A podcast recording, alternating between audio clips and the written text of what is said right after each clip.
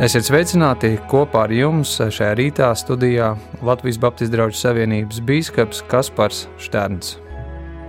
Lasīsim no Pāvila vēstules 2. Timotejam, 4. nodaļas no 5. līdz 8. pantam.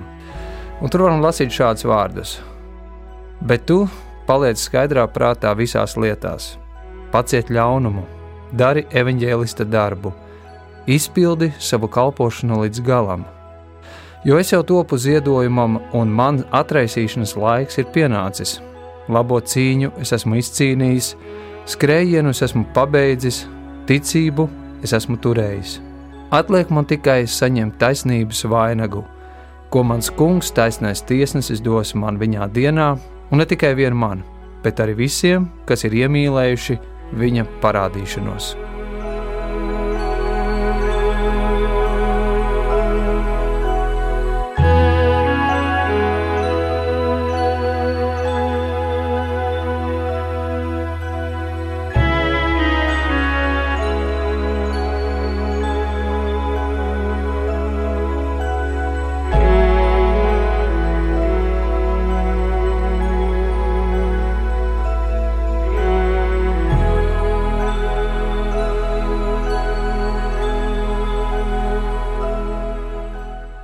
Pāvils eh, šo vēstuli Timotejam ir uzrakstījis, esot cietumā. Viņa atraisīšanas laiks ir pienācis. Viņš apzinās, ka visdrīzāk savu dzīvi tur arī noslēgs. Un tad Pāvils atskatās uz savu dzīvi, uz savu kalpošanu, un kā tad ir viņa secinājumi. Viņš ir bijis uzticīgs līdz galam.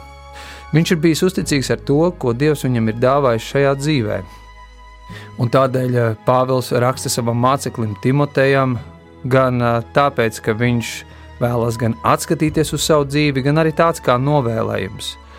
Varētu teikt, ka viņš Timotejam nodod stafešu kociņu. Pāvils saka, izpildi savu kalpošanu līdz galam.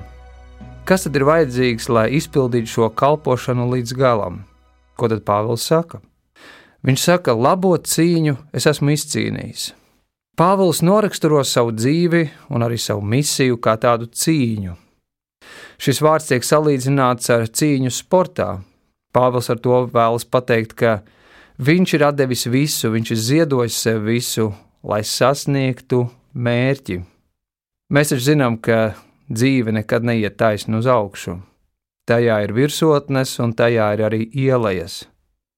Un tieši labās lietas dzīvē bieži ir jāizcīna Dzīve tā ir cīņa ar sevi, ar savu raksturu, tā ir cīņa par attiecībām, laulībā, ģimenē, un tā ir cīņa, lai sasniegtu mērķi. Un jo aktīvāk mēs esam, jo ar lielāku pretestību mēs saskaramies. Kas tad ir vajadzīgs, lai mēs varētu teikt, ka esam izcīnījuši labo cīņu? Pirmkārt, mums noteikti ir vajadzīga modrība, Ko tas nozīmē? Modrība ir tas, ka tu apzinājies, kas tu esi un pret ko tu cīnies. Bībelē apustulis Pēters ir vēstulē rakstījis: Esiet skaidrā prātā, esiet modri, jūsu pretinieks vēlns staigā kā lauva, un viņš meklē, ko aprīt. Modrība ir tā, kas mūsu dzīvē ir visvairāk vajadzīga. Mēs nemirkli to nedrīkstam pazaudēt. Kā tad mēs pazaudējam modrību? Visbiežāk jau to mēs pazaudējam dzīvojot tādā kā noliegumā, kur mēs cenšamies sev iestāstīt, lai nu kas, bet tas nekad nenotiks ar mani. Tā ir tāda pašpārliecinātība, kam bieži vien nav nekāda pamata un seguma. Un redziet, tajā visaugstākajā punktā mūsu dzīvē mēs bieži vien varam piedzīvot vis tos sāpīgākos kritienus.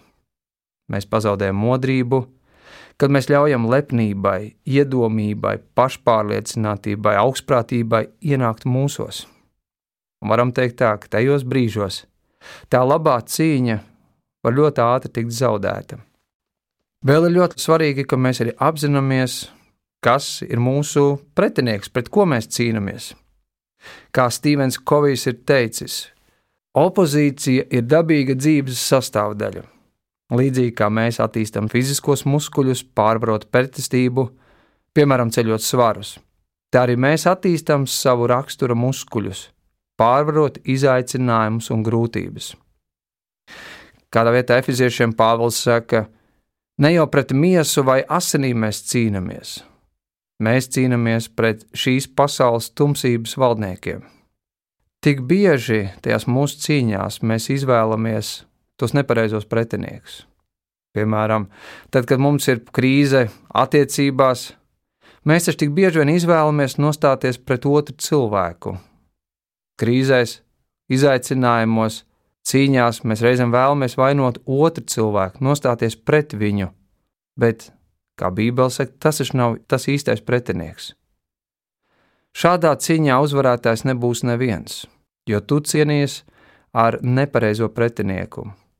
Un būsim godīgi, Tā vislielākā cīņa mums ir jāizcīna ar to cilvēku, kuru mēs katru rītu redzam spogulī.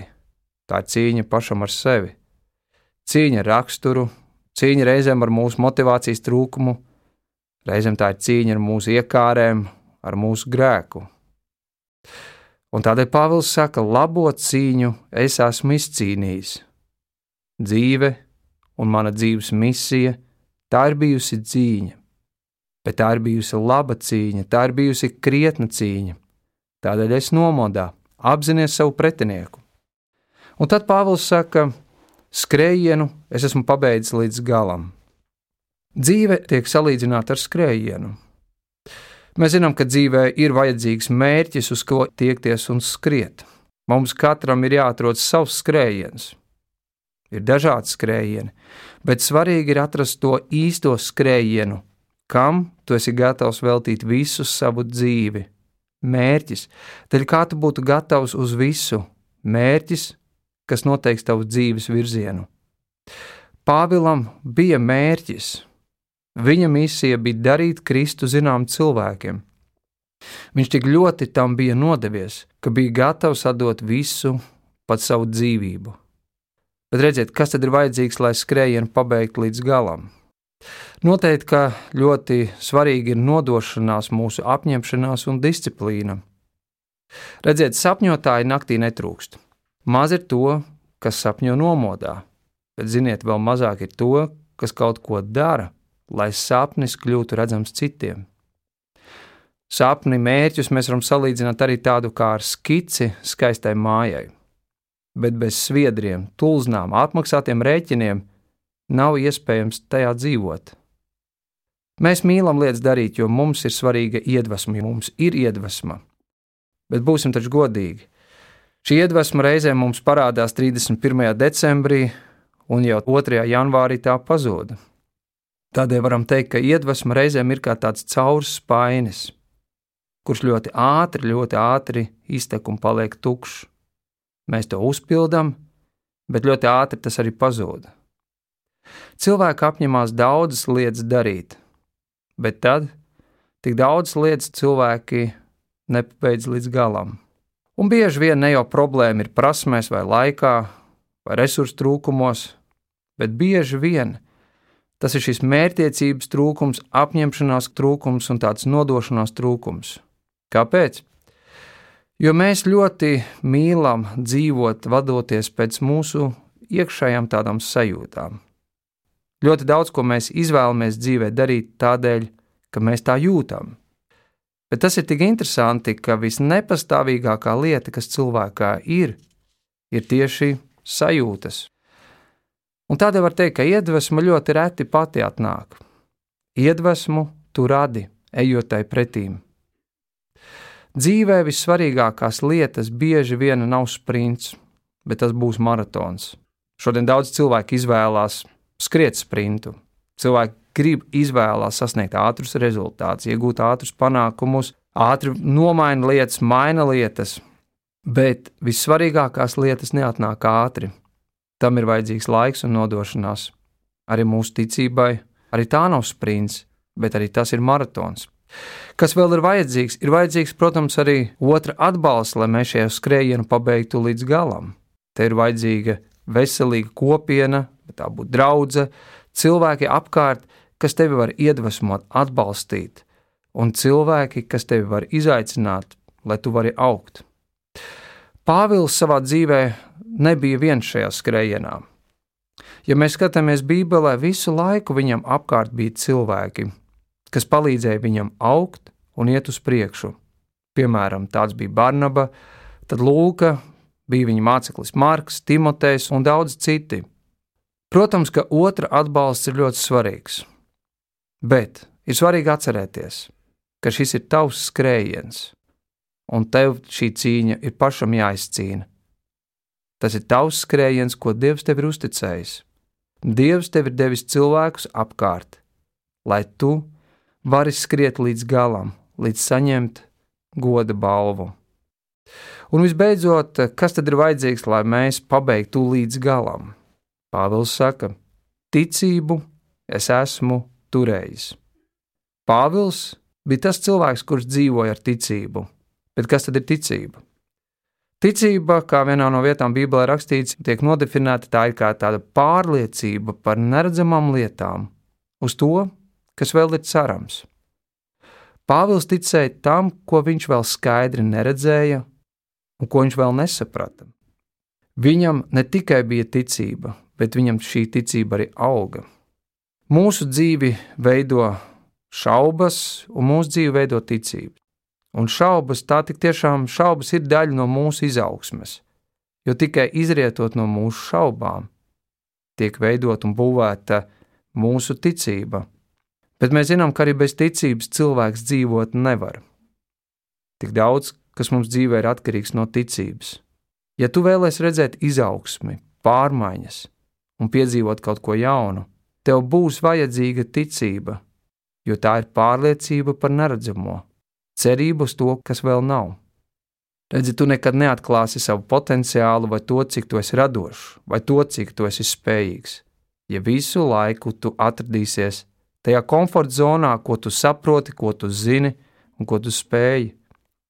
Ejot uz risku, ejot no komforta ārā un atklājot to, uz ko tu patiesībā esi spējīgs, ejot ticībā, tu tiešām atklāji sevi. Kā Nelsons Mandela ir teicis, tas vienmēr šķiet neiespējami, līdz tas tiek paveikts. Tavā dzīvē katrs tavs nākamais solis prasīs ticību. Un redziet, attiecībās ar Dievu ir vajadzīga ticība.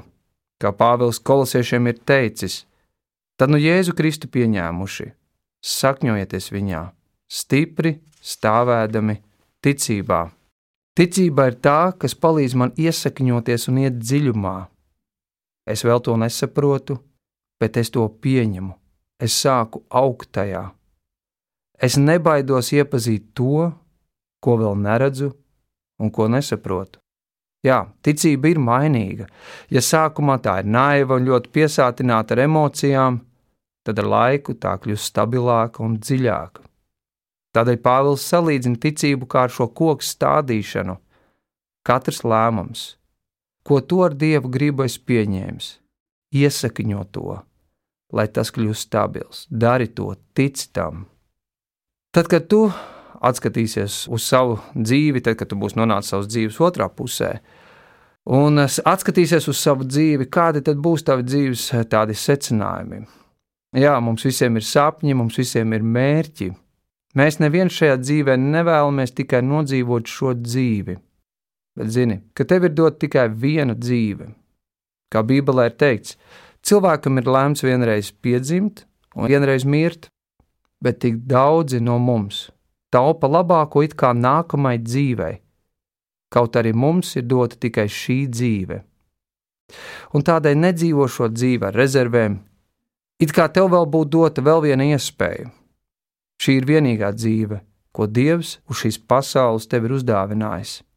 Tādēļ izcīni savu svarīgāko cīņu tajā pabeidz skrējienu līdz galam un dzīvo ticībā, kas aug un kas kļūst dziļāk. Lai Dievs jūs svētī! Āmen!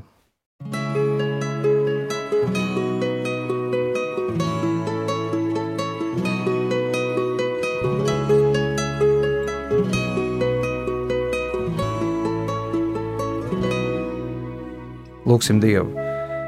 Debes Tēvs, mēs Tev pateicamies par to, ka Tu mums katram esi dāvājis šo dzīvi. Tu mums katram šajā dzīvē esi dāvājis iespējas, Tu mums katram esi devis laiku, Tu mums katram esi devis savu misiju, un mērķi un sapni šajā pasaulē. Paldies, ka mēs katrs esam svarīgi un dārgi šajā pasaulē, un mēs katrs pienesam vērtību un dodam skaistumu šai pasaulē. Tad, nu, kungs, es lūdzu, ka mēs varam dzīvot ar tādu attieksmi, kāda dzīvoja apustulis Pāvils, kurš tai misijai, tam mērķim, ko tu biji devis viņam, viņš bija gatavs ziedot sev visu. Dievs, es lūdzu par tām mūsu cīņām, kuras mums ir jāizcīna. Palīdz Dievs mums necīnīt tās cīņas, kuras mums nav jāizcīna, bet dod mums spēku pastāvēt, pastāvēt tajos izaicinājumos un pārbaudījumos, kurus ir ļoti svarīgi izturēt līdz galam. Mēs Dievs lūdzam, stāv klāt un svētī, ka mēs šo dzīvi varam nodzīvot nevis kā sprintu, tikai uzsākot lietas, bet arī mēs varam katrs šajā dzīvē pabeigt lietas līdz galam. Pabeigt to pašu svarīgāko skrējienu kas mums katram ir dots. Un Dievs dāvā mums ticību, ticot tam, ka Tu mums devis pietiekoši visu, lai šo skrējienu pabeigtu. Dievs dāvā mums arī ticību, skatā uz Tevi, mums, mēs daudz ko nesaprotam. Mums iespējams vēl daudz jautājumu ir, kas Tu esi, ko Tu dari mūsu dzīvē un ko Tu vēlēsies no mūsu dzīves. Bet palīdz mums katru dienu pamosties un dzīvot ar pārliecību, ka tu mūs esi radījis un tu mūs esi ielicis šajā pasaulē.